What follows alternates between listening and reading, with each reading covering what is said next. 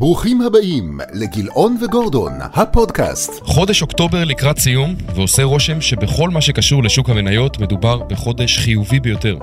מדד ה-S&P 500 עלה בכ-9%, הנסדק עלה ב-5%, ומדד המניות העולמי הוסיף כ-8% לערכו. גם בארץ מדד תל אביב 125 המשיך להפגין עוצמה ועלה באוקטובר בכ-5%. מדדי אגרות החוב נסחרו במגמה מעורבת, שבארץ הם עלו בחצי אחוז, בארצות הברית ירדו בשבע עשיריות האחוז. בפרק היום נתייחס לוקטורים שמשפיעים על השווקים, וננסה לענות על השאלה, האם מדובר בראלי בריא עם כושר המשך, או שמא מדובר במלכודת דובים נוספת. דרור, שלום רב, שבוע טוב. שלום נדב, שבוע טוב. איזה שבוע, איזה חודש, כל כך הרבה דברים מעניינים. בכלכלה, בשווקים. בוא נתחיל. כן. הבנק האירופי המרכזי שוב מעלה ריבית ב-75 נקודות בסיס, שלושת רבעי האחוז. זו הפעם השנייה ברציפות, והיא כבר עומדת על 2 אחוז. עדיין יש פער מארצות הברית, אבל הם גם התחילו מריבית הרבה יותר נמוכה. נכון. מה אנחנו למדים מהעלאת הריבית הזאת באירופה? אם תוכל גם להתייחס על ההשפעה שהייתה לזה על מדדי המניות שם. אז כן, אז קודם כל העלאת הריבית היא של 75 נקודות בסיס, שזה העלאה ברף העליון. של מה שאנחנו, הבנקים המרכזיים הרגילו אותנו, שזה כבר הפך להיות הסטנדרט החדש. הייתה גם מסיבת עיתונאים נלווית, שהייתה יחסית אה, זהירה. אז רק נזכיר שהאינפלציה באירופה עומדת על עשרה אחוזים, כך שלבנק המרכזי האירופאי אין יותר מדי ברירות אלא להעלות את הריבית. אבל הם גם אה, מבינים שיש להם אה, בעיה מובנית אה, באירופה. בעיה של uh, מגזר פרטי מאוד ממונף, עם פרודוקטיביות מאוד נמוכה, עם מבנה מאוד בעייתי, שהבנק המרכזי שולט על הריבית בכל אירופה, אבל כל... בכל כלכלה יש את הסיפור כל, שלה. כל ו- מדינה ו- מתנהגת אחרת יש לגמרי. יש ממשלה משלה, עם מדיניות משלה, ולכן מה שטוב לגרמניה לא טוב לאיטליה ולא טוב לספרד ו- ו- וכדומה. ולכן יש להם אה, איזשהו חשש אה, שאנחנו וגם משקיעים מתחילים להרגיש, סמוי, שאם יעלו את הריבית יותר מדי, יכול להתממש אה, מה שנקרא סיכון מערכתי. ולכן אה, היה איזשהו שינוי בניואנס, שבמקום לדבר בהודעת ריבית על העלאות ריבית שעוד צפויות, ברבים, דיברו רק על הריבית שצפויה עוד לעלות. אבל הם ימדדו את זה על פי הנתונים שהתפרסמו. נראה ש... אה, תחילת הסוף, לפחות באירופה, בכל מה שקשור. זה מה שמשדרים. זה מה שמשדרים, זה מה שרוצים להאמין. כרגיל, אנחנו תמיד טוענים, התשובות התקבלו ברבעון הראשון של 2023. אני רוצה רגע להרחיב על הסיכון המערכתי כן. שהזכרת קודם, אולי רגע להרחיב. איטליה, לצורך העניין, יכולה לגייס אגרות חוב ממשלתיות בצורה של 5%.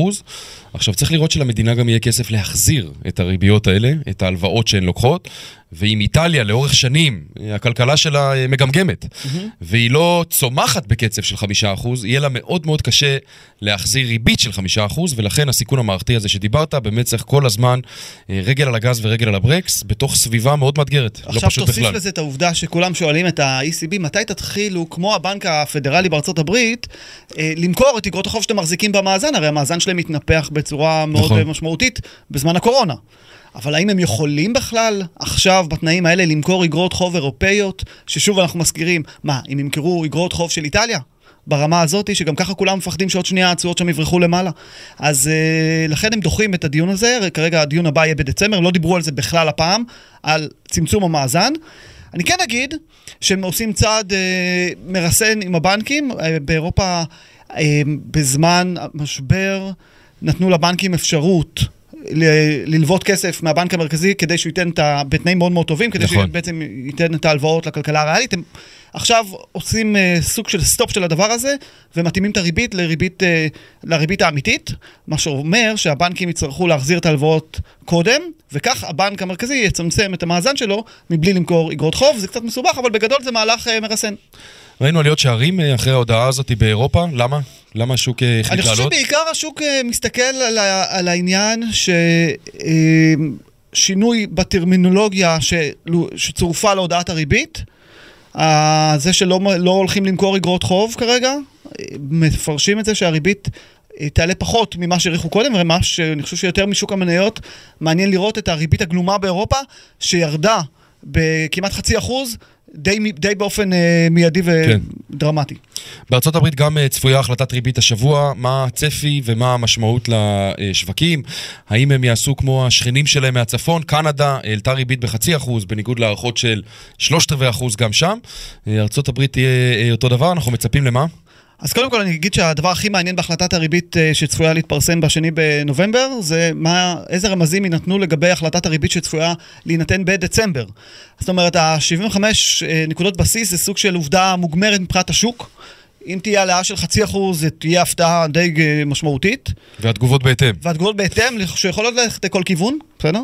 עוד שאולי נרחיב על זה אחר כך. מעניין. אבל, אבל בהחלט אה, בשוק מתחילים אה, להיערך לזה שאחרי ההעלאה הזאת של 75 נקודות בסיס, אולי בדצמבר נראה את קצב העלאות הריבית יורד לחצי אחוז. מה המשמעות לשווקים? אז אני אגיד שיש ראלי בשווקים בחודש אוקטובר. ואני חושב שזה המשמעות שאנחנו, זאת אומרת, המשקיעים, אה, ברגע שהם מתחילים לחשוב שעוד מעט קצב העלאות הריבית ייחלש, האוטומט של המשקיעים זה בוא נלך לקנות מניות, כי אנחנו מכירים ש, שהבנק, שהבנקים המרכזיים מתחילים להאט את קצב העלאת הריבית, אולי זה יהיה טוב למניות, אנחנו מחכים כבר לרלי הזה, אז קדימה, בוא נקנה מניות. אה, יש עניין של תמיד החשש הוא אם יפסיקו להעלות את הריבית מהר מדי, או אם קצב העלאות הריבית יהיה איטי מדי, אז אולי האינפלציה לא תרד מספיק, ואז אמנם קצב העלאות הריבית יהיה איטי, אבל בסוף הריבית תגיע לרמה יותר גבוהה מאשר אם יעלו את הריבית בקצב מהיר יותר. ולכן אני חושב שכרגע אה, עוד מוקדם לדעת מה המשמעות, כי יכול להיות... אה, יכול להיות מסחר מאוד מאוד תנודתי. אני חושב ששוק המניות... להמשיך להיות עם הרבה יותר סימני שאלה משוק אגרות החוב עדיין. אוקיי, בשבוע שעבר, אגב, בארצות הברית פרסמו אה, נתוני צמיחה ראשוניים שמצביעים על התרחבות של למעלה מ-2.5 אחוז, 2.6. נכון. אה, גם ההכנסה והצריכה הפרטית עלו, מספר תביעות האבטלה החדשות ממשיך להיות נמוך. איפה המיתון שכולם מדברים עליו? אז כן, צריך להבין, העלאות ריבית לא משפיעות מיד. הם, אה, לוקח להם זמן לחלחל לכיסו של הצרכן, לוקח להם זמן לחלחל אה, למאזנים של החברות, כי מה שקורה זה שאנשים עוד לא מרגישים שהם מוצאים יותר כסף. זאת אומרת, אולי הם מרגישים, אבל עדיין לא מוותרים כנראה על ההוצאות שלהם. גם חברות אה, ירגישו הרבה יותר את העלאת הריבית ביום שהם יבואו למחזר חוב. ואז פתאום החובות האדירים יתחילו להיות... אה, אה, בריביות יותר גבוהות, ואז להשפיע מאוד על אה, הוצאות המימון לצורך העניין, כן. או על התזרים השוטף של החברות. ואותו דבר מדינות. ולכן אומרים תמיד שהריבית מתחילה להשפיע בערך חצי שנה אחרי שמשנים אותה.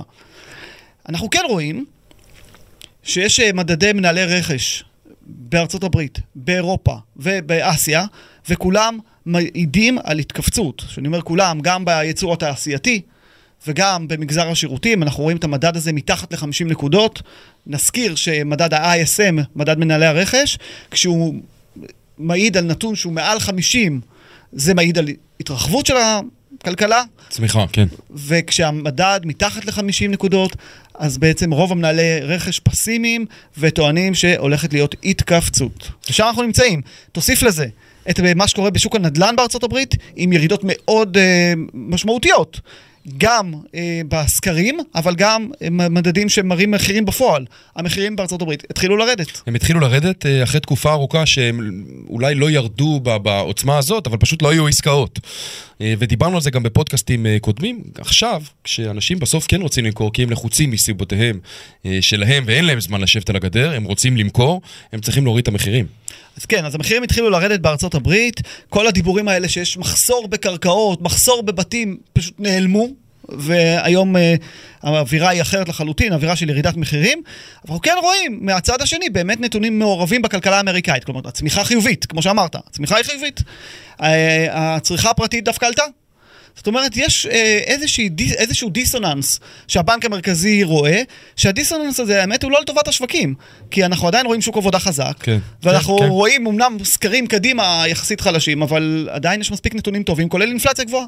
אני רוצה שנשלב, כי אנחנו אה, בין ההקלטות מקבלים הרבה מאוד שאלות אה, מלקוחות, חברים, אה, דרך המדיות החברתיות, וזה בדיוק המקום לשלב את אחת מהן. אה, שאל אותנו אה, מישהו השבוע, כן. אה, מה, מה אנחנו חושבים לגבי רכישה של נדל"ן בארצות הברית? הציעו לו איזו עסקה שנראתה לו טוב והתייעץ איתנו. אה, אני חושב שזו הייתה עסקת מולטי פמילי בארצות הברית. אולי נשתף עם כולם מה, מה דעתנו על עסקה מהסוג הזה בעת הזו. אז קודם כל נגיד שבאופן כללי בכל שוק יש הזדמנויות. שתמיד נכון, אבל אתה תמיד צריך להסתכל בתוחלת. האם התוחלת, המשקיע הממוצע הולך לעשות כסף בתקופה הזאת או לא? ואני חושב שאתה מסתכל על אה, משכנתאות בארצות הברית שעברו את ה-7% עלות משכנתה, ושאתה מסתכל על אגרות חוב שנותנות אה, תשואה של 4.5% פחות או יותר, ממשלתיות, mm-hmm. אז תחשוב, איגרת חוב קונצרנית נותנת יותר. ואז אתה בא ואומר, אני אשים כסף שלי מישראל, בארצות הברית, בשוק שאני אה, לא מכיר ממש כל פיסה, ונדל"ן זה עסק של מקומיים. אני חושב, הרמת סיכון... היא לא מצדיקה את ההשקעה, ושוק הנדל"ן בארצות הברית אומר את, את דברו. אנחנו רואים בארצות הברית ירידה במחירים, ירידה בדרך כלל זה לא דבר שמפסיק מיד, זה תהליך. עכשיו יש אה, פסיכולוגיה של מחירים יורדים, פסיכולוגיה של מחירים יורדים זה למה לקנות היום, אני אקנה עוד שבוע, המחיר יהיה יותר נמוך. כן. אז למה אנחנו כישראלים צריכים לשים כסף שלנו מפה, כשיש לנו כל כך הרבה אלטרנטיבות הרבה יותר טובות? אני, אני, כן, אני רוצה להוסיף, אני רוצה לומר ש, שזה יכול להיות פיזור ראוי לתיק, אבל אני, אנחנו עוד לא רואים לפחות אה, איזה שהם מחירי אה, הזדמנות. אני כן חושב שההזדמנויות יגיעו בהמשך, אה, שנה, שנתיים קדימה. יכול להיות שבאמת יהיו שם הזדמנויות אה, יותר מעניינות. אבל גם אם אני הולך על הזדמנויות, יש מכשירים הרבה יותר טובים. היום. היום. נכון. אה, להשקיע בנדל"ן ולא לקנות נכס אחד, שלך תדע על מה אתה נופל שם. אני רוצה שנדבר קצת על אה, עונת הדוחות שנפתחה לרבעון כן. השלישי אה, של 2022 בארצות הברית.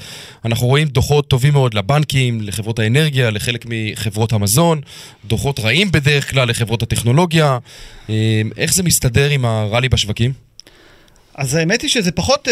עוד מסתכל... פעם אנחנו ב-bad news is good news, זאת אומרת, אנחנו, החברות מצליחות פחות, אז אנחנו מעריכים שיעלו את הריבית פחות וזה טוב לשוק, הכל פה הפוך על הפוך.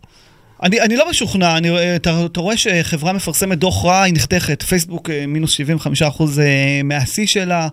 אה, ו-20 אחוז אחרי, אחרי הדוחות. כן, נכון. מטא, אמ, יש אמ, לומר. מהרגע ששינו את השם למטא, כן. היא אכן מטא. ואמזון במינוס 46 אחוזים.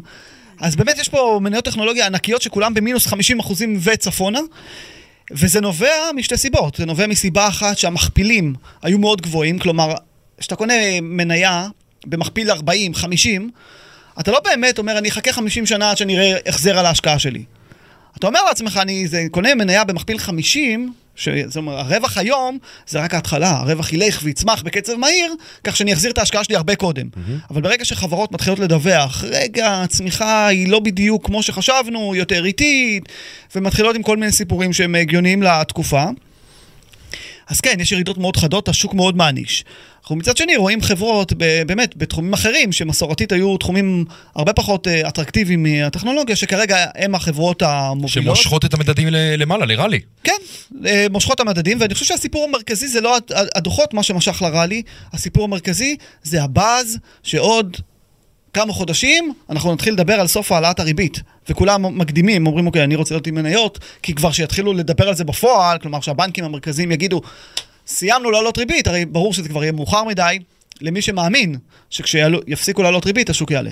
אני רוצה רגע שנדבר קצת על איגרות אה, החוב. שוק כן. האג"ח עדיין מגמגם, נראה שהשוק חוגג, שוק המניות. שוק המניות חוגג. חוגג את uh, הצפי לעצירת העלאות הריבית, uh, האג"ח עדיין מגמגם. נכון. מה אתה חושב לגבי, uh, האם המניות בכל זאת עדיפות על איגרות חוב לקראת סוף תוואי הריבית העולה? אז תראה, אני אגיד ככה, קודם כל, אמ, ההתנהגות הזאת קצת מפתיעה אותי. זאת אומרת, שוק המניות עולה, אבל שוק המניות אה, יודע להפתיע. זאת אומרת, לפעמים הוא לא עולה מסיבות הכי רציונליות, או הכי נראות לעין. לא מעט פעמים הוא עולה, ורק אחרי שהוא עולה אתה מבין למה הוא עלה, או שיש איזשהו הסבר הגיוני, אבל בעת העליות זה נראה לא רציונלי, ראינו את זה בכמה מקרים בעבר, קורונה, משבר פיננסי גדול ו- ועוד. שוק אגרות החוב בישראל יחסית חזק. ראינו עליות החודש. גם עם צפי לאיזשהו תחילת הסוף של העלות הריבית. בארצות הברית ראינו את התשואות ממשיכות לעלות. מחיר יורד. מחיר יורד, על רקע... לא דרמטית אגב, אבל ירידות. נכון, זאת אומרת, אנחנו עדיין בירידות, כשהתשואות uh, בטווחים הקצרים uh, יחסית עלו, בטווחים הארוכים נשארו יחסית uh, תשואות יציבות. ראינו גם את העקום התשואות האמריקאי מתהפך ברמה כזאת שהשלושה חודשים נמצא, התשואה לשלושה חודשים נמצאת ברמה יותר גבוהה מהתשואה לעשר שנים. רק כדי לסבר את האוזן, כל פעם בהיסטוריה ש, שדבר כזה יתרחש, היפוך כזה יתרחש, היה מיתון. עכשיו, אם אנחנו מדברים על מיתון, שכנראה יגיע, מיתון בהיסטוריה היה טוב לאגרות החוב. מיתון בהיסטוריה לא תמיד היה טוב למניות, כלומר לפעמים כן ולפעמים לא. כן. אז אני אומר, אם אני צריך עכשיו לבחור בין מניות לאגרות חוב, אני נשאר, נשאר בעד יותר אגרות חוב, בעיקר כשאני מסתכל על השוק האמריקאי עם תשואות uh, גבוהות יחסית. השוק הישראלי הוא קצת יותר uh, בסימן שאלה, גם תשואות יחסית גבוהות למה שהורגלנו, אבל אין הרבה, לדעתי, שכבות הגנה או כריות ביטחון למקרה של טעות. אוקיי, okay, אז אני רוצה לחזור לנושא הפרק ולמה שציינתי בהתחלה, ובאמת לשמוע לך ככה תשובה קצרה וממוקדת. Mm-hmm. אנחנו מדברים על שינוי מגמה אחרי מספר חודשים, או שעוד פעם זאת מלכודת דובים? אמ, שוב, disclaimer, שוק המניות יכול להפתיע. ההיגיון אומר שזה מלכודת דובים, ההיגיון אומר שזה מלכודת דובים, כי אנחנו באמת רואים פה תהליך אמ, ממש רוחבי של לחיצה על אה, דוושות הבלמים של כל הבנקים המרכזיים בעולם לצד אינפלציה. אני חושב שבתרחיש כזה, אחרי שהיינו במכפילים יחסית גבוהים ובאנו מרמה יחסית גבוהה, התיקון הזה הוא תיקון ש... זאת אומרת, תיקון... הירידות בשווקים הן ירידות שמתבקשות. ההרגשה שלי שאנחנו נראה את הראלי הזה, יכול להיות שיימשך כמה ימים, אבל בסופו של דבר אנחנו נחזור ונבחן את הרמות, אה, הרמות התחתית שכבר ראינו. בעוד ששוק אגרות החוב נראה לי מקום הרבה יותר מעניין ובטוח, גם מבחינת uh, התשואות הגלומות שם, וגם מבחינת הרציונל קדימה, כי אם אנחנו הולכים להאטה ומיתון, האטה ומיתון בדרך כלל דווקא טובות לאגרות חוב, לגבי שוק מניות כאמור, לפעמים כן, לפעמים לא. אני רוצה בהקשר הזה אה, לשלב עוד שאלה שקיבלנו כן. הרבה השבוע. הרבה מאוד בנקים ובתי השקעות חברי בורסה אה, פונים אקטיבית אה, ללקוחות שלהם ומציעים להם פקדונות בריביות אה, טובות. נכון. אה, בהמשך לתשובה האחרונה שלך, מה, מה אתה חושב על זה? זאת אומרת, בין אם זה ריבית שקלית או דולרית, מה אתה חושב על כל הנושא הזה של הפקדונות? זה משהו שצריך להיות בתיק ההשקעות, אה, לממש השקעות אחרות היום שאולי מופסדות ולשים בפיקדון, איך אתה רואה את הדברים? אז קודם כל אני חושב שאנשים מסתנוורים כי אתה, אתה יודע, יש איזשהו עיגון במוח לתשואות או לריביות שאנחנו רגילים לריבית אפס. לריבית אפס, פתאום אומרים לך שלושה אחוזים. וואו, פגז, לא יודע מה, חמישה אחוזים. דולרי. דולרי. פגז? איפה היה דבר כזה? בפיקדון? עכשיו גם המילה פיקדון היא מילה מטה. כי אנחנו רגילים שפיקדון זה חסר סיכון. אבל האם פיקדון זה חסר סיכון? אז התשובה היא, פיקדון של מי? יש גופים שאם הם היו הולכים להנפיק איגרת חוב בבורסה האמריקאית... הם היו משלמים יותר. הם היו משלמים יותר. עכשיו, כנראה שמשתלם להם לתת לנו חמישה אחוזים, כי אם הם היו הולכים לבורסה העולמית, הם היו משלמים שישה אחוזים. אוקיי, נניח גוף כמו אלטשולר שחם, אתה רואה איזשהו סיכון שהיום שמים שם פיקדון ו- ויכול לקרות משהו? אז אני לא רוצה להתייחס ספציפית למאזן של אלטשולר שחם, אבל אני כן יכול להגיד שמי ששם פיקדון באלטשולר שחם, צריך לקחת בחשבון שהסיכון שלו הוא הסיכון שאלטשולר שחם לא יוכל להחזיר לו את הכסף. לעומת הדלתא מאיגרת חוב אה, ממשלת ארה"ב, שאגב לא נותנת הרבה פחות, אה, וגם שם הסיכון הוא שמדינה כמו ארה"ב לא תוכל להחזיר את החוב, שזה אה, סיכוי נכון. נמוך בהרבה. וגם, דרך אגב, זה גם נכון ששמים את הכסף בכל אחד מהבנקים. הסיכון ברור. הוא סיכון של בנק, ויש אנשים שחושבים שיש איזושהי ערבות של מדינה על פקדונות, איזשהו ביטוח. אין ביטוח. זאת אומרת, לפעמים יש מצבים שהמדינה מרצונה הטוב כי היא מסתכלת בהסתכלות רחבה יותר, מנסה ומחלצת בנקים כן. קטנים שנמצאים על, על, על אה, סף אה, אי אה, פשיטת רגל ואי החזרת פקדונות. אבל אף אחד לא ערב לכך, ובטח ובטח לא אה, בחבר בורסה כזה או אחר. ועל כן, זו יכולה להיות השקעה כמו כל אחת מההשקעות, להיזהר, זה לא פיקדון באמת חסר סיכון, יש את הסיכון של המנפיק. שורות תחתונות, מה יהיה בהחלטת הריבית בארצות הברית? עלייה של 75 נקודות בסיס, והבנק המרכזי בארצות הברית כבר אמר שהוא מתכוון שנה הבאה להאט את הקצב. עכשיו כולם מתלהבים שהקצב הולך להיות מועט, אבל זה בתוואי וזה מגולם. אנחנו רואים שהריבית העתידית בשוק ההון אה, ממש ישרה קו עם התחזיות של הבנק הפדרלי בארצות הברית, שזה, שוב, זה לא רע. אנחנו, אני חושב שאנחנו ממשיכים, אנחנו עוד רגע מגיעים לרבעון הראשון של 2023, אני חושב שזה יהיה קריטי לראות האם האינפלציה באמת יורדת או לא. בינתיים, צעד אחורה, שתי, צעד קדימה, שתיים אחורה, האינפלציה לפעמים יורדת, אבל אז אנחנו מגלים כל מיני רכיבים דביקים שנשארים. נרצה לראות אותם נעלמים מחיינו. ואנחנו אה, ניפגש כאן בדיוק בעוד שבועיים, בשבוע הבא אנחנו לא מקליטים פרק, ונשמח לראות אתכם שוב בעוד שבועיים מהיום. שבוע טוב לכולם, תודה רבה. שבוע טוב, תודה רבה.